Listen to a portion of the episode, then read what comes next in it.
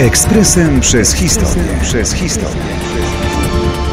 12 marca 1947 roku prezydent USA Harry Truman wezwał kongres do przyznania pomocy Grecji i Turcji.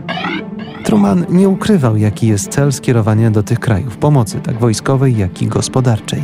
Chodziło o powstrzymanie pochodu komunizmu i ocalenie Grecji i Turcji przed skutkami ewentualnego przejścia w sowiecką strefę wpływów. Zimna wojna nabierała wówczas tempa i dwubiegunowość polityki światowej stawała się coraz bardziej jaskrawa. Stany Zjednoczone sprytnie chciały w niej odegrać tę dobrą siłę w opozycji do sowieckich zakusów imperialnych. ZSRR był oczywiście państwem zła, usadowionym na cierpieniu milionów, co do tego nikt nie ma wątpliwości. Ale Amerykanom w kolejnych latach nieczyste zagrania będą zdarzały się coraz częściej, w miarę jak rosła im ochota na bycie żandarmem świata.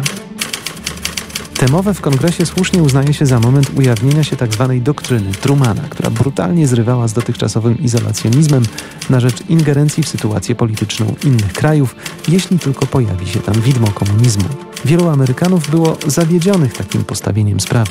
Kiedy II wojna światowa dobiegła końca, nie widzieli już potrzeby interesowania się problemami innych. Czy nie lepiej zająć się wyłącznie własnymi sprawami? Zimna wojna była jednak rodzajem samonakręcającej się spirali i nikt nie był w stanie już tego powstrzymać. Wyścig, nie tylko ten zbrojny, trwał.